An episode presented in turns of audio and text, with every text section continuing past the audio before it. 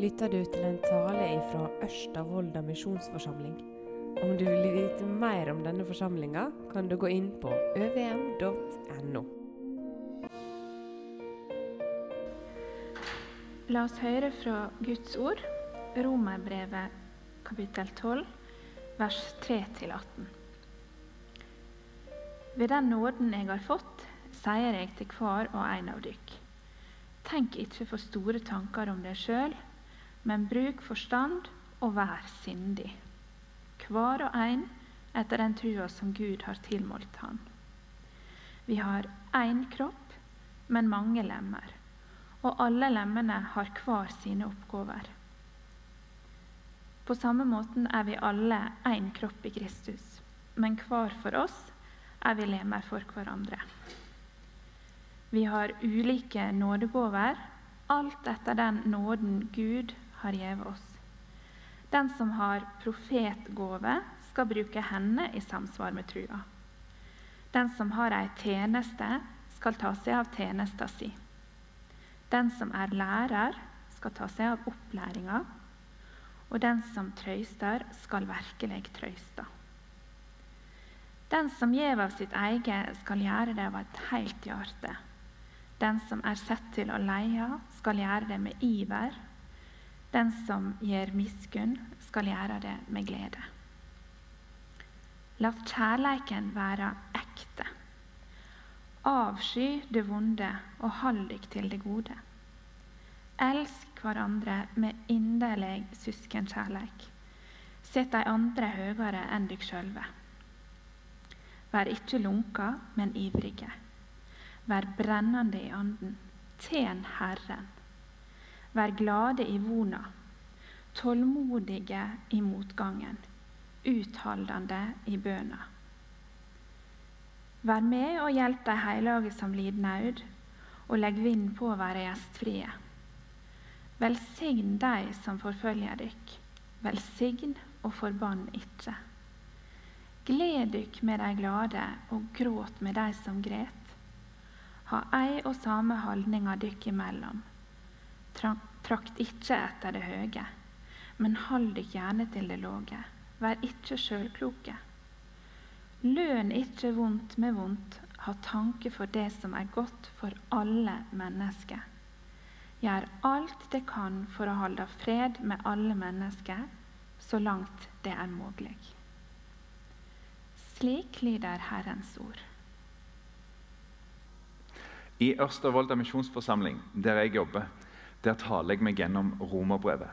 Og Den neste talen jeg skulle ha der, det var over romerbrevet kapittel 12, som ironisk nok handler om det kristne fellesskapet. Og Det er dette kapittelet vi skal ta føre oss i dag. For dette konseptet her, der jeg står her, og så er det kilometer imellom oss, og dere sitter rundt omkring i hver deres heim, det er ikke sånn det er meint å være. Det kan hver og en av oss kjenne på. Og her i romerbrevet så ser vi at vi som kristne vi er ment til å være tettere på hverandre enn det rammene tillater oss å være nå. Men kanskje kanskje så passer det bra å gå gjennom dette nå. Så kan hver og en av oss forberede oss på å komme tilbake til fellesskapet. Eller finne nye måter å uttrykke det som vi finner her i kapittelet. Sånn at Jesu kropp kan fungere desto bedre når vi kommer sammen igjen. Noe som også kan være en fordel, det er at dette nå går eh, rett hjem kan vi si, til hver og en av oss. For når det gjør det, da er det ikke så enkelt å sitte i benkeradene og tenke at dette det sier han sikkert til han, eller dette det burde hun tenke litt mer over. Kanskje blir det lettere for oss å reflektere over dette her hver for oss nå. Og være litt sjølkritisk og ta noen nye valg. Kanskje. Jeg håper det. For denne teksten som vi har framfor oss, den berører hver og en av oss. Og Gud han går ganske tett på og så utfordrer han oss med noen formuleringer som jeg sjøl ikke så ofte bruker, og som vi kanskje ikke hører så mye rundt oss. I løpet av denne talen så vil jeg komme innom tre punkter som vi kan hente ut av denne teksten. Jeg kommer altså ikke til å gå inn på alle momentene i denne talen, men disse tre punktene som jeg skal ta for meg, de er bærende gjennom hele teksten. Og så får vi bruke litt lengre tid på den hver for oss. Jeg har først lyst til å si noe om Guds rike sin anatomi. Så stiller jeg spørsmålet er det janteloven vi møter her i Bibelen. Og til sist så har jeg lyst til å si noe om hvor alt dette kommer ifra. Kilden til dette tankegodset. Vi ber. Far i himmelen, vi ber om at du må lære oss noe om hvordan vi skal være. Og så ber jeg om at du må lære oss noe om hvem du er. I Jesu navn. Amen. Guds rike sin anatomi. I vers 4-5 der skriver Paulus vi har én kropp, men mange lemmer. Og alle lemmene har hver sine oppgaver. På samme måten er vi alle én kropp i Kristus, men hver for oss er vi lemmer for hverandre. Noen store ord. Når ord de former oss ÅFK Fortuna, som jeg vet noen her i misjonssalen har et visst engasjement for, har nøkkelordene samhold, kvalitet, vilje og engasjement som begrep som skal definere det fellesskapet. Helse Møre og Romsdal har en setning som skal beskrive deg. og Jeg regner med at noen av dere der hjemme allerede har sagt den. På lag med deg for helsa di. NLM Gjenbruk vi skaper bærekraft. Misjonssalen Kristiansund bruker disse ordene om seg sjøl. Vi ønsker å se mennesker forvandlet av evangeliet. Misjonssalen Ålesund har ordene 'et møte med Gud'. Og i ØVM så vil vi at uttrykket 'større enn oss' skal være med å definere fellesskapet oss. Ord de er med å definere oss og så sette i en retning. Og Her, i kapittel 12 i Romerbrevet, så leser vi noen ord om Guds rike, om hans folk. Og Når Paulus skal beskrive dette folket, så går han til anatomien. Han tar utgangspunkt i det kjente. Alle har med en kropp med noen lemmer, og alle disse lemmene har sine oppgaver. Nå er det mulig at de mest presise vil bli litt frustrert på meg, i og med at tenner sånn teknisk sett ikke defineres som et lem, men legg godviljen til. To ganger det siste halvåret så har jeg knekt min høyre framtann. Og Det var først når den var vekke, jeg forsto hvor viktig den var. Den minste utfordringen det var at jeg så relativt enkel ut sånn intellektuelt sett når jeg gikk rundt med et stort, svart hull midt i gliset mitt. Men det som var verre, det var det at jeg fant ut at det var denne tanna som jeg brukte. Det var i den finmotorikken lå når jeg skulle liksom spise maten og jeg skulle ta et presist tygg.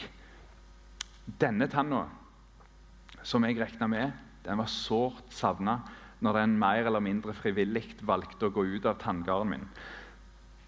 Kroppen vår det er en helhet som henger sammen. Og Det er først når deler av den er vekke, at vi virkelig forstår hvor avhengig disse lemmene her er av hverandre. Kristi kropp, Jesu legeme, det er ord som definerer det kristne fellesskapet. Og du, du som tror på Jesus, du som bekjenner Han som Herre og Frelser, du er et lem på denne kroppen. Du hører til når du med dine egenskaper og evner er fraværende fra det kristne fellesskapet, da blir det et mangelfullt fellesskap. Kanskje får ikke forsamlinga di fintygd maten sin. Kanskje har fellesskapet ditt problemer med å gå. Kanskje evner det ikke å gi en klem på den måten det skulle gjøre det. Og kanskje er det noen byggverk som ligger helt brakk fordi det mangler noen hender til å bygge. Og så fins det flere måter som vi som lemmer kan være fraværende fra det kristne fellesskapet. Det kan være at du av en eller annen grunn har trukket deg vekk fra fellesskapet. Da er jo fraværet ditt åpenbart. Og da fins det et fellesskap, en kropp, som lir fordi du med ditt mangler. Og Så kan det være at du er i fellesskapet under normale omstendigheter, men likevel så er du ikke aktiv. Du glir bare med uansett. Om du er fraværende på den ene eller på den andre måten, så leser vi her at du egentlig hører til. Be Gud om å vise deg hvor og hvordan, og kanskje hvem som kan hjelpe deg å bli en aktiv del av Jesu legeme. For det var her du var tenkt å være. På din måte, med dine evner og begrensninger med det som var tilmålt deg i nåde, som Paulus snakker om. Og så må jeg si at det kristne fellesskapet det strekker seg ut over storsamlingen, møtet eller gudstjenesten. Så det er mulig å være en aktiv del på dette legemet, selv om vi ikke kan samles alle på en gang. La oss bare høre det som Paulus skriver ned igjen her. Noen av de tingene han nevner. Først så nevner han profetgave og lærer. Kanskje tenker vi at det er mest naturlig i storsamlingen. Men disse gavene de strekker seg utover det. Det går an å undervise og forkynne selv om en ikke gir dem en gudstjeneste. Hør videre, da. Den som trøster, den som gir av sitt eget, den som gir miskunn, den som leder. Og Så kan vi fortsette utover Romerbrevet kapittel 12 og se andre nådegaver og tjenester som vi finner andre plasser. Den som tjener, den som ber, den som evangeliserer, den som viser omsorg, den som er gjestfri, den som tar seg av de fattige, osv. osv. osv. Her fins det masse å bidra med til søsknene dine på et eller annet vis. Og i denne tida. Men den krever at vi er litt mer kreative. Så kan det være at du tenker Ja, men jeg har ikke så mye å bidra med. Det tror jeg faktisk kanskje fortanna mi òg tenkte. Hvem er jeg? Ei av 28 tenner. Hva kan jeg bidra med? Det tillater jeg ikke denne tanna å tenke lenger, om vi blir i bildet. Fordi måten vi tenker på, det får konsekvenser for hvordan vi og det kan få konsekvenser for hvordan andre handler. Og Da har vi kommet til dette siste punkt, neste punktet janteloven. I 1933 så skrev Aksel Sandemose en tekst som først ble presentert i verket 'En flyktning krysser sitt spor'. Aksel Sandemose han mente at denne teksten gir et godt bilde av menneskers iboende ondskap og evne til å trykke hverandre ned. Og Det tror jeg er en god beskrivelse av den teksten. Lytt til dette, da. Du skal ikke tro du er noe. Du skal ikke tro du er like meget som oss. Du skal ikke tro du er klokere enn oss. Du skal ikke innbille deg at du er bedre enn oss. Du skal ikke tro at du vet mer enn oss. Du skal ikke tro at du er mer enn oss. Du skal ikke tro at du duger til noe. Du skal ikke le av oss. Du skal ikke tro at noen bryr seg om deg. Og du skal ikke tro at du kan lære oss noe. Den teksten den, den oser av makt, av undertrykkelse og forakt.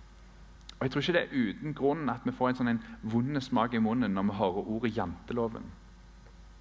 Og kanskje nettopp derfor, fordi jeg har lest og hørt janteloven, at jeg reagerer når jeg leser noen av disse setningene som finner på i romerbrevet. For på ett vis så kan de minne om det som vi nettopp leste. Hør nå, da. I vers 3.: Ved den nåden jeg har fått, sier jeg til hver og en av dere. Tenk ikke for store tanker om deg sjøl, men bruk forstand og vær sindig. Hver og en etter den trua som Gud har tilmålt han. I vers 10.: Elsk hverandre med inderlig søskenkjærleik. Sett de andre høyere enn dere sjølve. Vers 16.: Ha ei og samme holdninger mellom dere. Trakt ikke etter det høye, men hold dere gjerne til det lave. Vær ikke sjølvkloke. Ikke ha for høye tanker om dere sjøl. Trakt ikke etter det høye.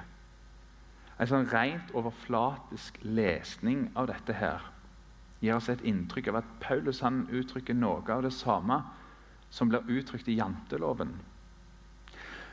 Men der janteloven legger grunnen for et undertrykkende fellesskap, som hindrer mennesker i å vokse og tjene med seg og sitt, der er det Romerbrev 12 grunnen til takknemlig samhandling, der hver og en av oss bidrar og setter den andre framfor oss sjøl og anerkjenner de ulike sitt bidrag. Både janteloven og Guds ord, når vi leser det, utfordrer våre tanker om oss sjøl. Men der janteloven sier 'hold deg nede', så sier Guds ord 'løft andre opp'. Og det er nødvendig å si. Fordi vi mennesker vi lever med en sånn uuttalt jantelov inni oss. Der vi ønsker å holde andre nede. En sånn en indre arroganse som sier 'jeg vet best', 'jeg er viktigere', eller 'jeg er viktigst'. Den kan komme til uttrykk på ulike måter i ulike sammenhenger. Noen ganger så kan den komme som en falsk ydmykhet. oh, 'Nei, jeg har ikke så mye å bidra med.' jeg. Det finnes sikkert noen andre som er mye bedre enn meg på dette. her.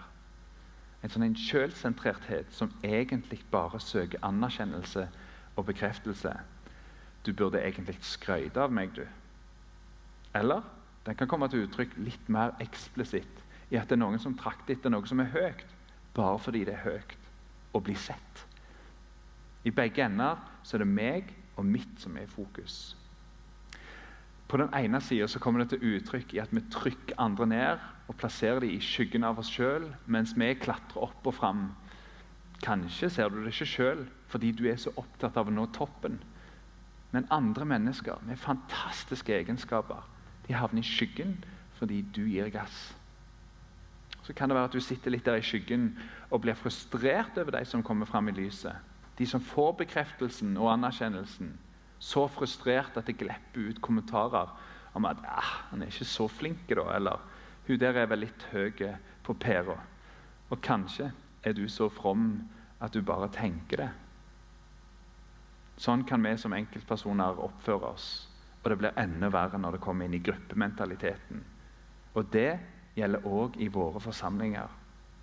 Jeg vet ikke om du har merka det.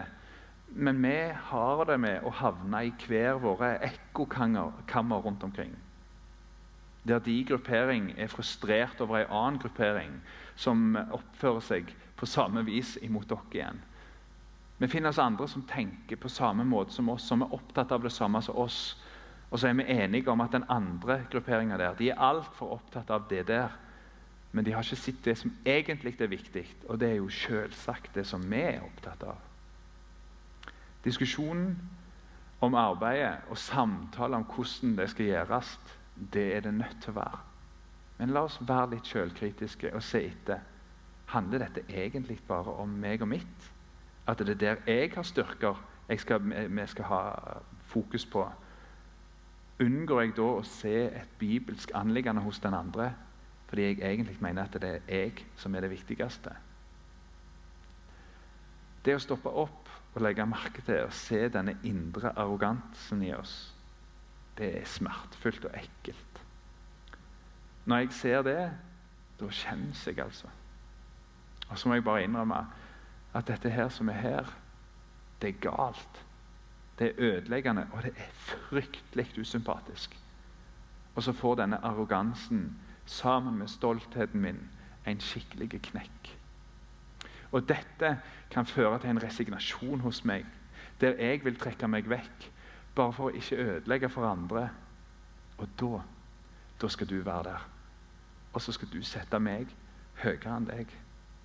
Altså leges fellesskapet. Fordi jeg er i et fellesskap der en setter de andre høyere enn seg sjøl. Da blir maktkamp til side satt. Vi tilgir hverandre, og så gleder vi oss over det når andre lykkes. Ja, ikke bare det, men vi ber til Gud om at andre skal lykkes. Om det så gjør at jeg havner i skyggen. Allikevel, om du heier aldri så mye på meg, og jeg heier aldri så mye på deg, så sitter vi igjen med denne ekle skammen over å ikke være bedre enn det. At jeg er en sånn en som tenker at jeg er viktigst. At jeg aller helst vil være den høyeste om jeg får det til eller ei. Kan det være at det er fort gjort for oss å tenke at ja, ja, det der greiene der det er noe som ligger særlig for enkelte typer mennesker. Ja, Det kan være at noen er mer disponert for det. Men jeg tror at vi bærer på denne sjølsentrertheten, alle og enhver. Og det å vite at noe er galt, det er feil, ja, ødeleggende, og så se at det er jeg som er en del av problemet det er fryktelig tungt å bære på.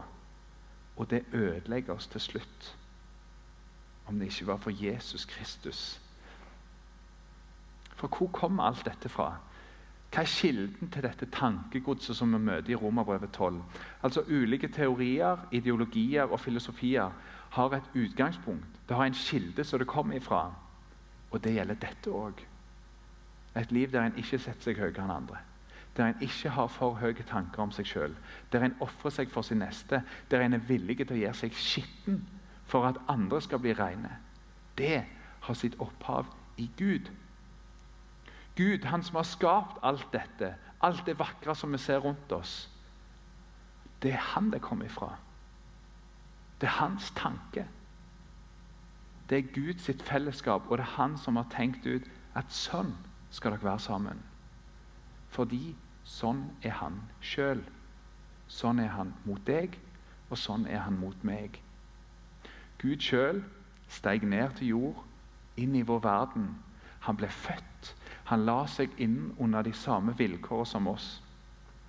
I Filippabrevet kapittel 2 og vers 6 der leser vi Han var i Guds skapnad og så det ikke som et rov å være Gud lik, men ga avkall på sitt eget, tok en tjenerskapnad og ble menneskelik. Da han sto fram som menneske, fornedret han seg sjøl og ble lydig til døden, ja, døden på krossen. Og så gjorde han det for oss. For oss mangelfulle mennesker. For oss som faktisk har disse sjølsentrerte tankene. Så dør han på et kors og så tar han den straffen som du og meg skulle ha hatt fordi vi har trykt andre ned. Den soner han i vårt sted, sånn at jeg skal gå fri. Og når jeg vet det, da slipper skammen taket. For selv om jeg skammer meg over at jeg er sånn, at jeg ser dette i meg, så viser Jesus at han elsker meg. Og når du er elska, da sier det noe om din verdi. Og da blir det vanskeligere å skamme seg. Ja, men jeg skammer meg. Ja, men jeg elsker deg. Ja, men jeg skammer meg. Ja, men jeg elsker deg. Jesus han visste hvem du var og er, og han valgte å dø for deg. Og det gjorde han før du hadde fått ting på stell. Når vi ser kilden, når vi ser Jesus Kristus, han som har all makt i himmel og på jord, velger å gjøre dette for oss. At han ikke har for høye tanker om seg sjøl. Da hjelper det oss til å leve etter hans eksempel. Fordi vi er tilgitt, så kan vi tilgi andre. Fordi han løfter oss opp, så evner vi å løfte andre opp. Under den neste sangen som kommer nå, tenk da igjennom. Er det noen som du kommer på som du har hatt denne arrogante holdningen imot? Er det noen i ditt fellesskap som du oppfører deg sånn mot, eller tenker sånn om? Be Gud om å bruke nettopp denne på hans legeme. Og be om å få glede deg over det når denne blir brukt. Og når du ser disse mørkere sidene ved deg, fryd deg da over at han som troner overalt, han elsker deg så høyt. Han ga alt for deg.